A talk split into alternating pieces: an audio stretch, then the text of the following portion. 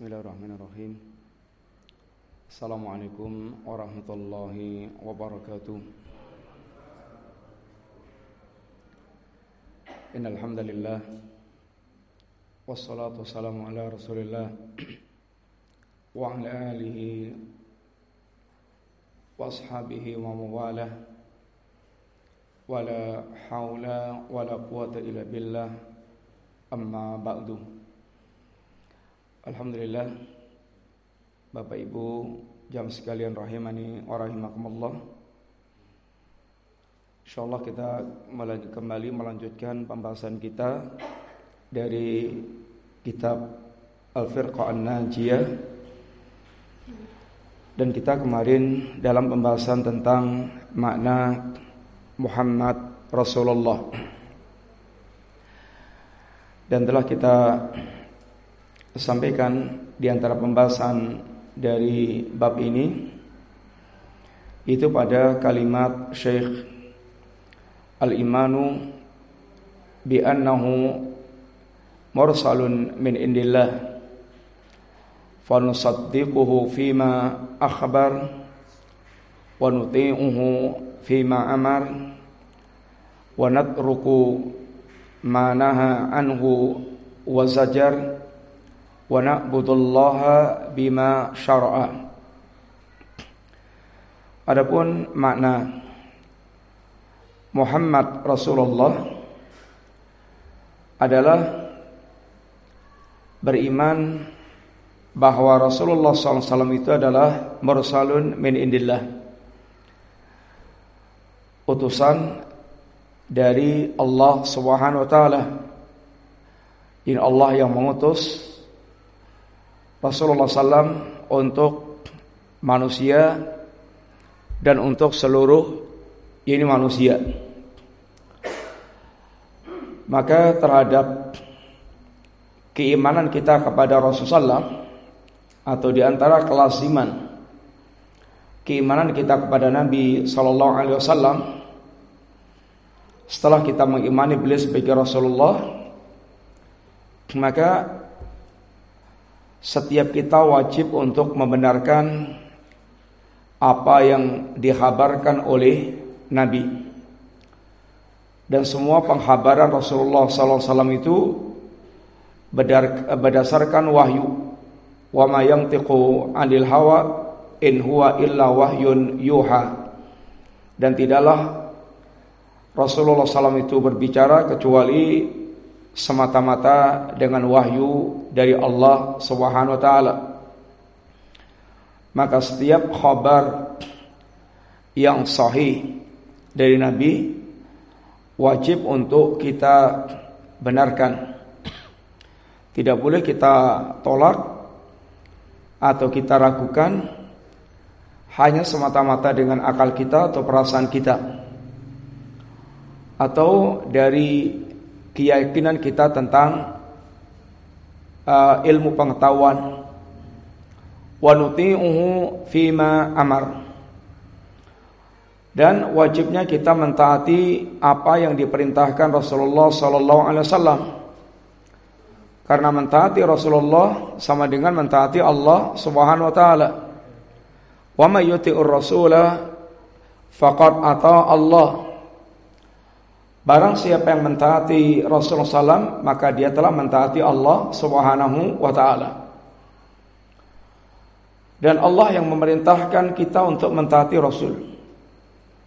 Allah wa ati Rasul. Taatilah Allah dan taatilah Rasul. Artinya ketaatan Rasul itu mutlak. Gak boleh dibantah dengan apa pun. Adapun kalau ketaatan kepada selain Allah itu muqayyad bersyarat. Selama ketaatannya itu tidak bertentangan dengan ketaatan kepada Allah dan Rasulnya Sallallahu Alaihi Wasallam. Adapun apabila ketaatan kepada makhluk itu bertentangan dengan ketaatan kepada Allah dan Rasulnya maka tidak ada ketaatan kepada makhluk. La ta'ata li makhlukin fi maksiatil khaliq. Demikian pula wa natruku manahan wa zajar. Wajibnya kita untuk meninggalkan semua yang dilarang oleh Nabi Sallallahu Alaihi Wasallam. Larangan beliau sama dengan larangan Allah Taala. Tidak ada perbedaan antara larangan Allah dengan larangan Rasulullah SAW. Sehingga dari sisi kewajiban kita untuk mengambil atau mentaati Nabi sama dengan kewajiban kita untuk mentaati Allah Ta'ala. Karena apa yang disampaikan Nabi adalah wahyu dari Allah Subhanahu wa taala. Wa na'budullaha. Dan kita wajib beribadah kepada Allah semata-mata dengan syariat yang diajarkan Rasulullah sallallahu alaihi wasallam. Tidak boleh kita beribadah kepada Allah dengan syariat buatan sendiri atau syariat buatan sekelompok manusia atau syariat yang bukan ajaran Rasulullah sallallahu alaihi wasallam. Sehingga tidak boleh kita menggunakan syariat-syariat bid'ah yang diada-adakan. Tapi kita wajib beribadah kepada Allah dengan tata cara yang telah diajarkan oleh Nabi Sallallahu Alaihi Wasallam. Mari kita ikuti catatan-catatan yang disampaikan oleh Syekh Muhammad Jamil Zainu rahimahullah taala. Poin pertama yang beliau sampaikan di sini setelah beliau menyampaikan ini pengertian global makna keyakinan kita bahwa Rasulullah SAW adalah utusan Allah Ta'ala belum menukilkan perkataan Syekh Abdul Hasan An-Nadawi dalam kitabnya An-Nubuwah yang nasnya adalah seperti yang akan diungkapkan di sini. Ini berkata Syekh Abdul Hasan An-Nadawi beliau mengatakan Al-Anbiya'u alaihi salam kana awwalu da'watihim wa akbaru hatfihim fi kulli zamanin wa fi kulli bai'atin huwa tashihul aqidah. Semua para Nabiullah alaihi salatu wasalam awal dakwah mereka dan sasaran dakwah mereka yang paling besar di setiap zaman dan keadaan. Semua nabi dan rasul dakwah utama mereka adalah tashihul aqidah. Ini meluruskan akidah fillahi taala, akidah tentang Allah Subhanahu wa taala. Sehingga 13 tahun Rasulullah SAW di Mekah beliau pun menyampaikan hal-hal yang sifatnya adalah pengenalan tentang Allah Subhanahu wa taala yang akan menjadi akidah seorang muslim. Wa tashihu sillah bainal abdi wa rabbi. Demikian pula meluruskan hubungan antara hamba dengan Allah agar hamba benar-benar mewujudkan tauhidullah dan agar hamba benar-benar menyingkirkan semua bentuk kesyirikan kepada Allah Ta'ala. Ini membutuhkan waktu yang panjang. Sebagaimana ketika kita ingin berdakwah di tengah-tengah masyarakat kita, target pertamanya adalah itu. Bagaimana menanamkan keyakinan yang benar tentang Allah, akidah tentang Allah Ta'ala. Jangan sampai orang memiliki keyakinan yang keliru tentang Allah Ta'ala nggak cukup berkeyakinan tentang Tuhan yang Maha Esa. Siapa itu Tuhan yang Maha Esa? Yang masing-masing orang kemudian memiliki tafsiran sendiri-sendiri tentang Tuhan yang Maha Esa. Wajib kita mengenalkan siapa itu Allah Subhanahu wa taala yang sesungguhnya. Sebagaimana Allah telah mengenalkan dirinya dalam Al-Qur'an dan As-Sunnah. Ini yang wajib kita kenalkan kepada manusia tentang siapa itu Allah Ta'ala. Sehingga bukan Allah dengan gambarannya sendiri. Bukan Tuhan dengan gambarannya sendiri. Kalau Tuhan gambar sendiri, orang Hindu gambarannya ya Tuhan Wisnu, Tuhan Siwa, Tuhan Brahmana. Nanti orang Konghucu juga punya gambaran Tuhan sendiri dengan gambaran mereka. Kemudian orang Nasrani punya gambar sendiri tentang Tuhan dengan gambaran mereka. Maka mengenal Allah sebagaimana yang Allah kenalkan tentang dirinya. bukan dengan tuan gambaran-gambaran manusia masing-masing. Dan bagaimana meluruskan hubungan antara hamba dengan Allah. Jangan sampai dia memiliki hubungan yang salah antara hamba dengan Allah Subhanahu wa taala. Dia sangka telah mewujudkan telah mewujudkan yaitu penghambaan yang benar padahal dia melakukan berbagai macam kesalahan dalam menghamba kepada Allah Subhanahu wa taala. Wa da'watu ila ikhlasid din lillah. Dan semua nabi dan rasul itu kata beliau semuanya mengajak kepada memurnikan agama semata-mata untuk Allah taala. Sehingga betul-betul program utamanya adalah membersihkan kesyirikan dari hati manusia sebersih-bersihnya. Bukan gerakannya itu pertama adalah gerakan mendongkel penguasa. Bukan gerakannya itu adalah pertama dia mencari yaitu kekuasaan atau berebut kekuasaan, tapi mendakwahkan kepada siapa pun, baik penguasa, baik rakyat, baik pejabat, baik orang biasa, orang awam biasa. Bagaimana seorang dai mendakwahkan, mengajak mereka kepada tauhid, mengenalkan Allah Subhanahu wa taala. Adapun dakwah mendobrak penguasa itu kadang bisa bersatu padu, bersekutu antara ahli tauhid bahkan dengan uh, antara orang mereka berkeyakinan tentang Allah dengan orang mereka bahkan ingkar kepada Allah, orang kafir, orang musyrik, orang munafik, orang fasik. Ketika memiliki kepentingan yang sama untuk mendongkal penguasa, maka mereka bisa bersatu padu. Tetapi ketika dakwah itu adalah tujuannya memurnikan penghambaan kepada Allah, nggak akan bersatu kecuali orang mereka memiliki tujuan yang sama, yaitu bagaimana untuk mewujudkan penghambaan kemurniannya kepada Allah Subhanahu wa taala. Maka ketika orang meng, uh, mendeklarasikan dakwah tauhid, sedikit yang bergabung. Tapi kalau deklarasi politik untuk siap-siap meraih kekuasaan, oh bisa segala macam orang bergabung ke situ. Sehingga perjuangan tanpa mempertimbangkan ya ini akidah orang yang bersama dengan mereka. Yang penting bisa meraih kekuasaan nanti bagi-bagi. Ini kehidupan yang nggak ada gunanya sama sekali. Karena dia tidak mengarahkan untuk ini bagaimana menghamba kepada Allah Subhanahu wa taala yang lurus. Wa ifradul ibadah lillahi wahdah.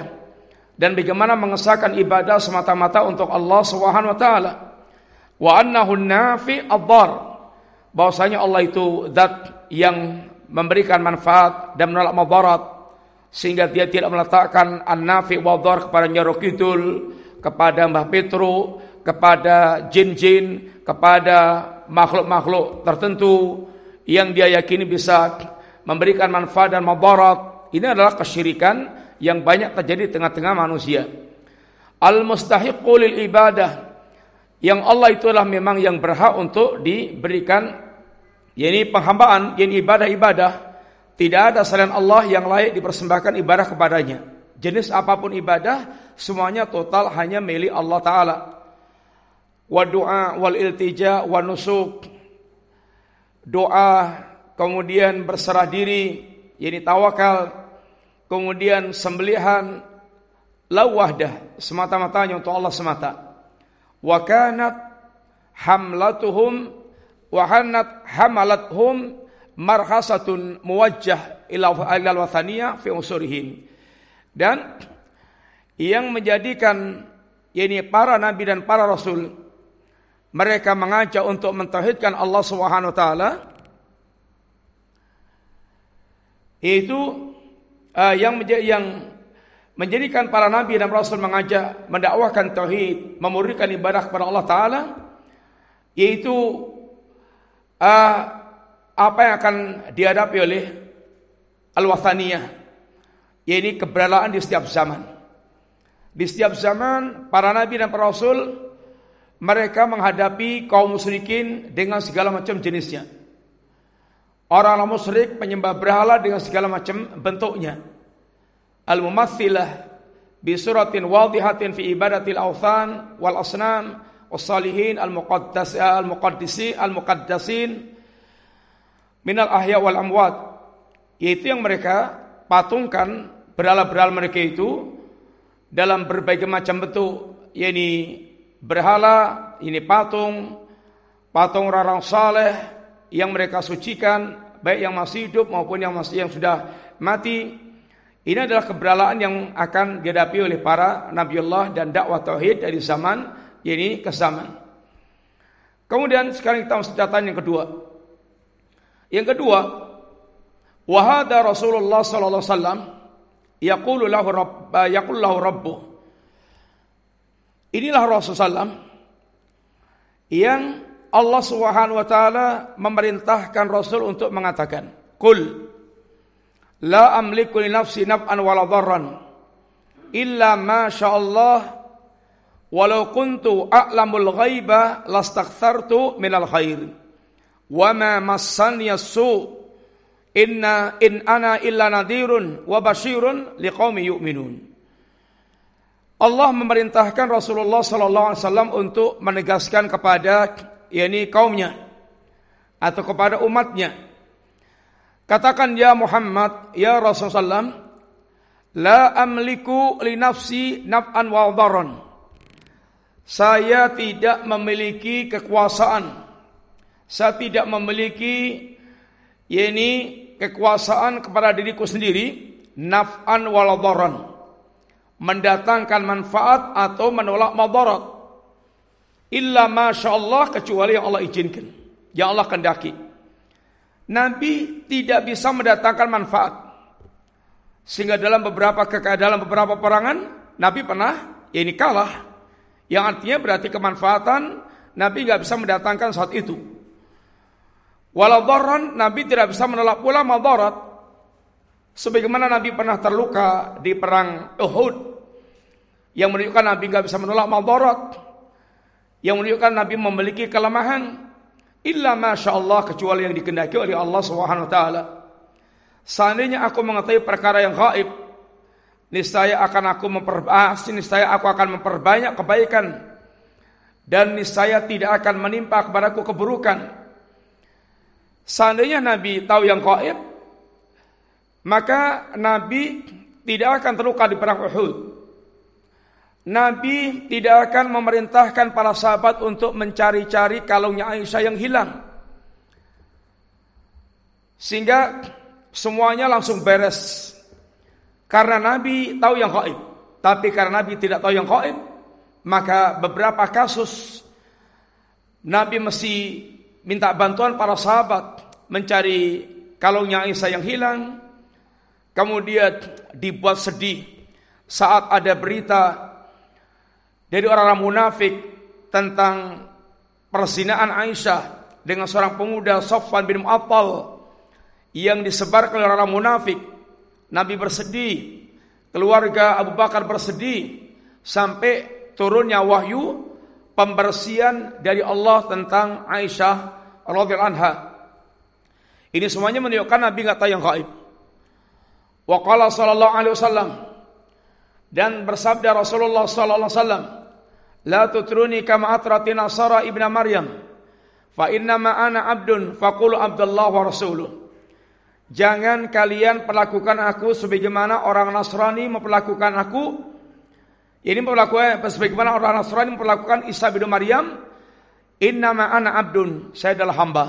Hamba yang tidak boleh disembah. Abdun la yu'bad. Faqulu maka katakanlah tentang aku Abdullah wa Rasuluh. Bahwasanya aku adalah hamba Allah dan Rasul Allah. Tidak boleh memperlakukan Nabi hal-hal yang merupakan kekhususan Allah Subhanahu wa taala. Enggak boleh kita meswati Nabi, Nabi tahu yang gaib. Nabi disangka mengetahui perkara-perkara gaib. Nabi bisa memberikan pertolongan di hari kiamat kelak bisa mengentaskan diri neraka sehingga minta-minta kepada Nabi. Ini semuanya adalah haknya Allah Ta'ala. Nabi adalah hamba yang ditugaskan Allah menyampaikan risalah. Sehingga keselamatan itu bukan bergantung kepada Nabi. Keselamatan itu bukan kemudian hatinya menggantungkan kepada Nabi. Keselamatan itu hatinya menggantungkan kepada Allah dengan cara mentaati risalah yang diajarkan oleh Nabi. Nabi makhluk. Nabi juga tidak bisa memberikan manfaat dan menolak madarat. Nabi juga menghamba sebagaimana kita berkewajiban menghamba kepada Allah. Sehingga tidak boleh seorang menggantungkan hati, kesalahan mengatakan hatinya kepada Nabi dalam rangka untuk menyelamatkan diri. Tapi hatinya digantungkan kepada Allah dan dia mengikuti syariat, mentaati syariat yang diajarkan oleh Nabi sallallahu alaihi wasallam. Sehingga ketika Nabi di awal dakwah menyampaikan kepada segenap bangsa Quraisy, "Ya masyarakat Quraisy, istaru angkusakum la ukhni ankum minallahi syai'an. Wahai segenap masa Quraisy, selamatkan diri diri kalian sendiri. Tebuslah diri kalian sendiri-sendiri. Aku tidak bisa memberikan manfaat kepada kalian saat kelak menghadap Allah ketika telah ada keputusan dari Allah Subhanahu wa taala. Kemudian yang ketiga, catatan ketiga. Inna mahabbata rasuli sallallahu alaihi wasallam sesungguhnya kata kecintaan kepada Nabi sallallahu alaihi wasallam itu takunu bi taati dengan cara mentaati Rasulullah sallallahu alaihi wasallam. Ini mentaati syariat yang diajarkan Nabi.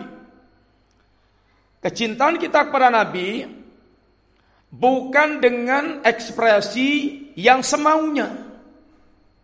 Di tengah-tengah kita ekspresi cinta Nabi itu di antaranya dengan ya ini membuat berbagai macam gubahan-gubahan ungkapan selawat kepada Nabi yang tidak pernah diajarkan oleh Rasulullah Sallallahu Alaihi Wasallam.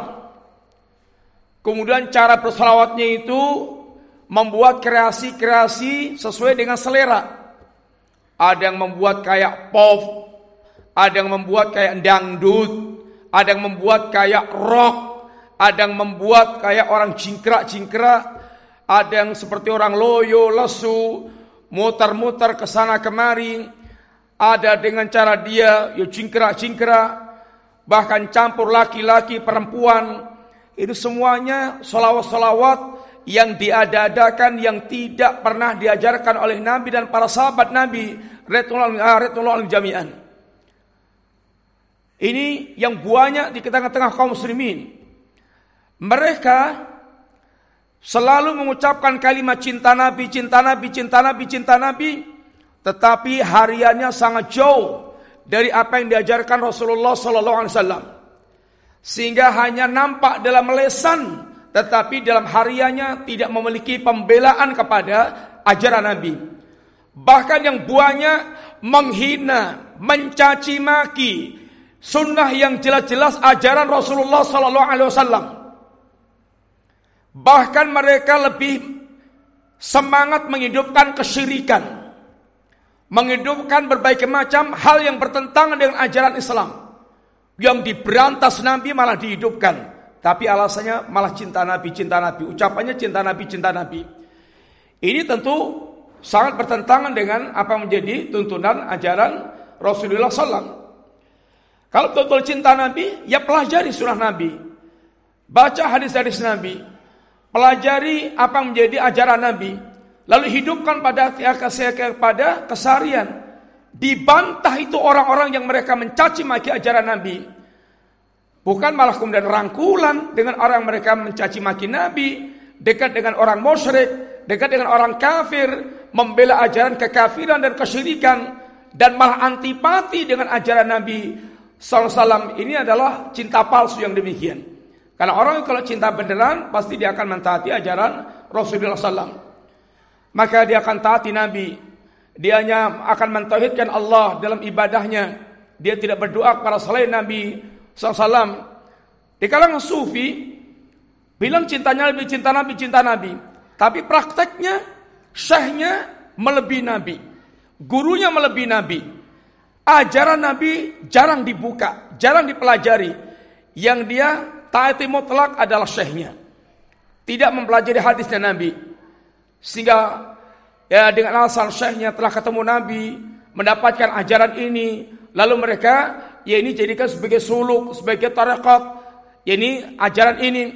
Sehingga justru sangat jauh daripada ajaran Rasulullah Sallallahu Alaihi Wasallam.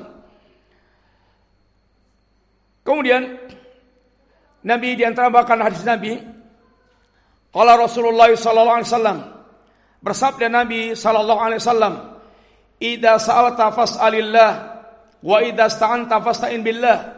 Apabila kamu minta, mintalah kepada Allah. Jangan minta kepada makhluk. Maksudnya permintaan yang merupakan kekhususan Allah yang tidak kuasa untuk memberi kecuali Allah Subhanahu wa taala. Adapun minta kepada makhluk itu sifatnya adalah ta'awun ala birri wa taqwa. Dan kita pun diajarkan kepada Allah, diajarkan oleh Nabi kita, soal minta kepada makhluk, kalau bisa jangan pernah kita minta kepada makhluk yang akan menghinakan diri kita. Minta-minta, ngatung, ngemis, dremis, ini akan menghinakan dirinya. Yang Nabi kita mengajarkan waisul ini izahnya seorang muslim itu istighna'uhu anin nas. Ketika dia merasa nggak butuh dengan manusia. Dengan orang lain sifatnya ta'awun, tolong menolong dalam hal urusan kebaikan ketakwaan. Tapi kalau minta untuk urusan pribadi kita, minta untuk keperluan kita, maka minta ini akan menghinakan kita. Dan ini adalah ajaran yang diingkari oleh Nabi Sallallahu Alaihi Wasallam. Jangan sampai kita menjatuhkan ini dalam hal minta-minta. Maka Nabi ajarkan kalau minta minta kepada Allah Subhanahu wa taala. Wa fasta'in billah. Kalau kita isti'anah, minta pertolongan, minta kepada Allah taala. Sehingga benar-benar hati ini tergantung hanya kepada Allah taala. Dalam semua apa yang kita butuhkan dalam kehidupan ini. Bahkan Nabi mengajarkan kepada kita sampai urusan yang kecil-kecil. Sampai urusan yang dianggap ringan. Maka hendaknya betul-betul menggantungkan hanya kepada Allah Subhanahu wa taala. Mas kalian, kecintaan kita kepada Nabi bukan hanya kita ucapkan dengan lisan, tetapi harus menjadi praktek dalam kehidupan kita sehari-hari. Bahwa kita betul-betul ada orang mencintai Nabi dengan menghidupkan ajaran Nabi SAW dan mencintai Nabi kata Allah an-nabiyyu aula bil mu'minina min anfusihim Nabi itu harus lebih diutamakan di atas diri-diri kita sendiri. Bahkan di atas diri kita sendiri. An-nabiyyu aula bil mu'minina min, anfusihim. Nabi itu harus lebih diutamakan oleh kaum mukminin bahkan dibandingkan dengan diri mereka sendiri. Umar bin Khattab beliau pernah dengan tulus menyampaikan para nabi ya Rasulullah La anta ahabbu ilayya min kulli syai ila nafsi. Ya Rasulullah, sungguh engkau aku cintai di atas segala sesuatu kecuali diriku sendiri. Kata Nabi, la ya Umar. Enggak, ya Umar, hatta akuna ahabba ilaika min nafsi. Tidak ya Umar, sampai engkau lebih mencintai aku dibandingkan dengan diri kamu sendiri. Sampai engkau lebih cintai aku dibandingkan dengan diri kamu sendiri. Sehingga Nabi wajib untuk kita cintai lebih di atas diri kita sendiri. Dan itulah tuntutan Allah, iman menuntut demikian. Dan Nabi juga menegaskan dengan dalam kalimat yang lainnya, la yu'minu ahadukum hatta akuna ahabba ilaihi min walidihi wa waladihi wan nasi ajma'in Tidaklah seorang itu dikatakan mukmin sampai aku lebih dia cintai dibandingkan kecintaan dia kepada ayahnya, kepada anaknya dan bahkan kepada seluruh manusia yang ada. Nabi harus lebih dicintai di atas segala-galanya. Dan orang yang mereka mencintai Nabi ini, Bapak sekalian, di antaranya dia akan bisa bersanding dengan Nabi di yaumul kiamah kelak. Kalau kita harus bersanding kalau kita ingin bersanding dengan Nabi, harus amal kita itu setingkat dengan Nabi, maka kita tidak akan pernah bisa bersanding dengan Nabi. Akan tapi ada satu amalan yang apabila amalan itu kita wujudkan dalam kehidupan kita, maka di antara keutamaannya kita akan bisa bersanding dengan Nabi yaitu amalan kecintaan. Ada seorang yang datang pada Nabi ya Rasulullah. Mata sa'ah. Dia tanya ya Rasulullah kapan hari kiamat itu terjadi? Nabi nggak tahu tentang kiamat. Bahkan Jibril pun juga nggak tahu. Maka Nabi katakan dengan jawaban yang bermanfaat, yang lebih bermanfaat untuk dia, Mada a'data lisa'ah. Apa yang sudah Anda siapkan untuk menghadapi hari kiamat? Kiamat itu Anda tahu, Anda nggak tahu, kiamat pasti terjadi. Wa anna sa'ata la'atiyatun la raiba fiha. Kiamat itu pasti terjadi dan tidak ada keraguan padanya. Tapi kiamat ini dahsyat. Kiamat ini sangat dahsyat. Yang setiap kita wajib untuk memiliki persiapan menghadapi kiamat. Yang kalau kita tidak memiliki persiapan, kita akan betul-betul mengalami kesulitan yang sangat besar, yang kesulitannya tidak akan bisa ditebus dengan kekayaan sebesar apa pun. Kata Badui ini, kata orang ini ya Rasulullah, persiapanku adalah hubballah wa hubbar rasuli Kesya ini persiapan ya, ya Rasulullah adalah kecintaanku kepada Allah dan kecintaanku kepada Rasulullah. Apa kata Nabi? Anta ma'aman ahbabta. Engkau akan bersama dengan orang yang engkau cintai. Hadis ini ketika didengar oleh Anas bin Malik yang merawikan hadis ini maka kata Anas uhibbullaha wa uhibbur rasula wa uhibbu Abu Bakr wa Umar wa an akuna wa arju an akuna ma'hum walau lam a'mal bi a'malihim. Kata Anas aku mencintai Allah. Aku mencintai Rasulullah. Aku mencintai Abu Bakar dan Umar. Dan aku berharap bisa bersama dengan mereka semuanya walaupun aku tidak bisa beramal sekualitas amal mereka. Bapak sekalian, kecintaan kita ini ada sangat penting. Ke mana kecintaan kita kita arahkan?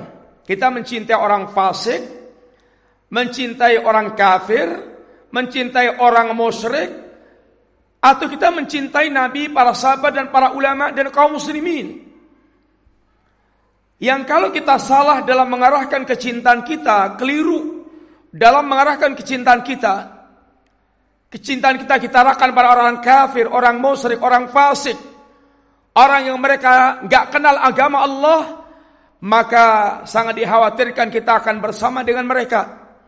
Tapi kalau kecintaan kita kita arahkan kepada Nabi, kepada para sahabat Nabi, kepada para ulama, kepada kaum muslimin yang salah, maka kita berharap akan bisa bersama dengan mereka.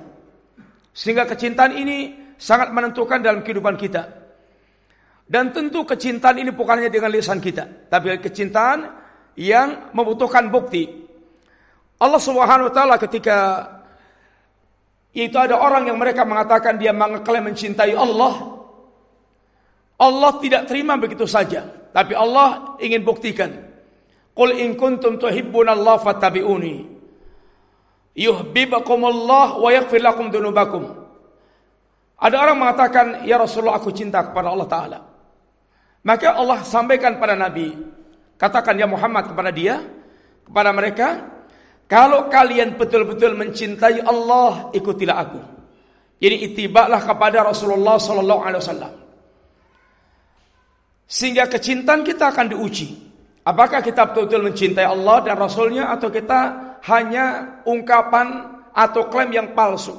Itu akan diuji dengan sejauh mana kita betul-betul memiliki perhatian kepada agama yang diwariskan oleh Nabi.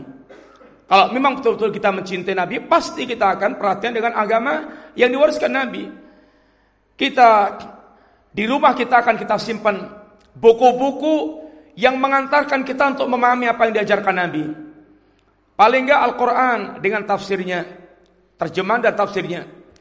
Kemudian hadis Nabi kalau yang paling terkenal ya Sahih Bukhari, Sahih Muslim paling minimal itu dengan terjemahnya. Kalau perlu dengan ini saraf penjelasannya. Apalagi para ulama sudah membuatkan yang lebih spesifik lagi bab-bab hadis-hadis masalah hukum seperti bulughul maram, hadis-hadis masalah akhlak seperti riyadhus salihin. Sehingga kita akan lebih dimudahkan untuk mempelajari apa yang diajarkan Nabi. Kemudian juga sirah Nabi, yaitu perjalanan hidup Nabi. Karena setiap orang mencintai pasti dia ingin tahu bagaimana sirah kehidupannya, bagaimana sejarah kehidupannya. Itu sudah merupakan tuntutan orang mencintai seorang, menokohkan seorang. Orang mereka idolanya seorang atau tokoh idola dia, pasti dia akan yaitu berusaha untuk tahu persis sampai saat tanggal lahirnya, sampai saat matinya, kemudian sepak terjangnya, kehebatannya, sehingga dia akan bisa bagaimana dia berekspresi, bisa meniru orang yang dia cintai. Ini sudah merupakan hal yang wajar pada orang mereka memiliki kecintaan kepada yakni idolanya. Idola kita adalah Nabi SAW. Idola kita adalah Rasulullah SAW. Dan tentu buktinya adalah bagaimana kita betul-betul mengetahui persis Nabi SAW. Ada demikian Bapak sekalian apa yang kita sampaikan dan dengan demikian kita telah uh, sampaikan secara singkat dan kita anggap selesai pembahasan tentang makna Muhammad Rasulullah tentu masanya sangat panjang dan lebar, tapi intinya adalah itu bagaimana kita meyakini Nabi dengan keyakinan yang benar, sebagai, sebagai seorang hamba, tapi beliau pula sebagai seorang Rasul yang menyampaikan risalah, yang wajib kita benarkan beritanya, kita taati perintahnya, kita jauhi larangannya, dan kita hanya beribadah kepada Allah dengan syariat beliau.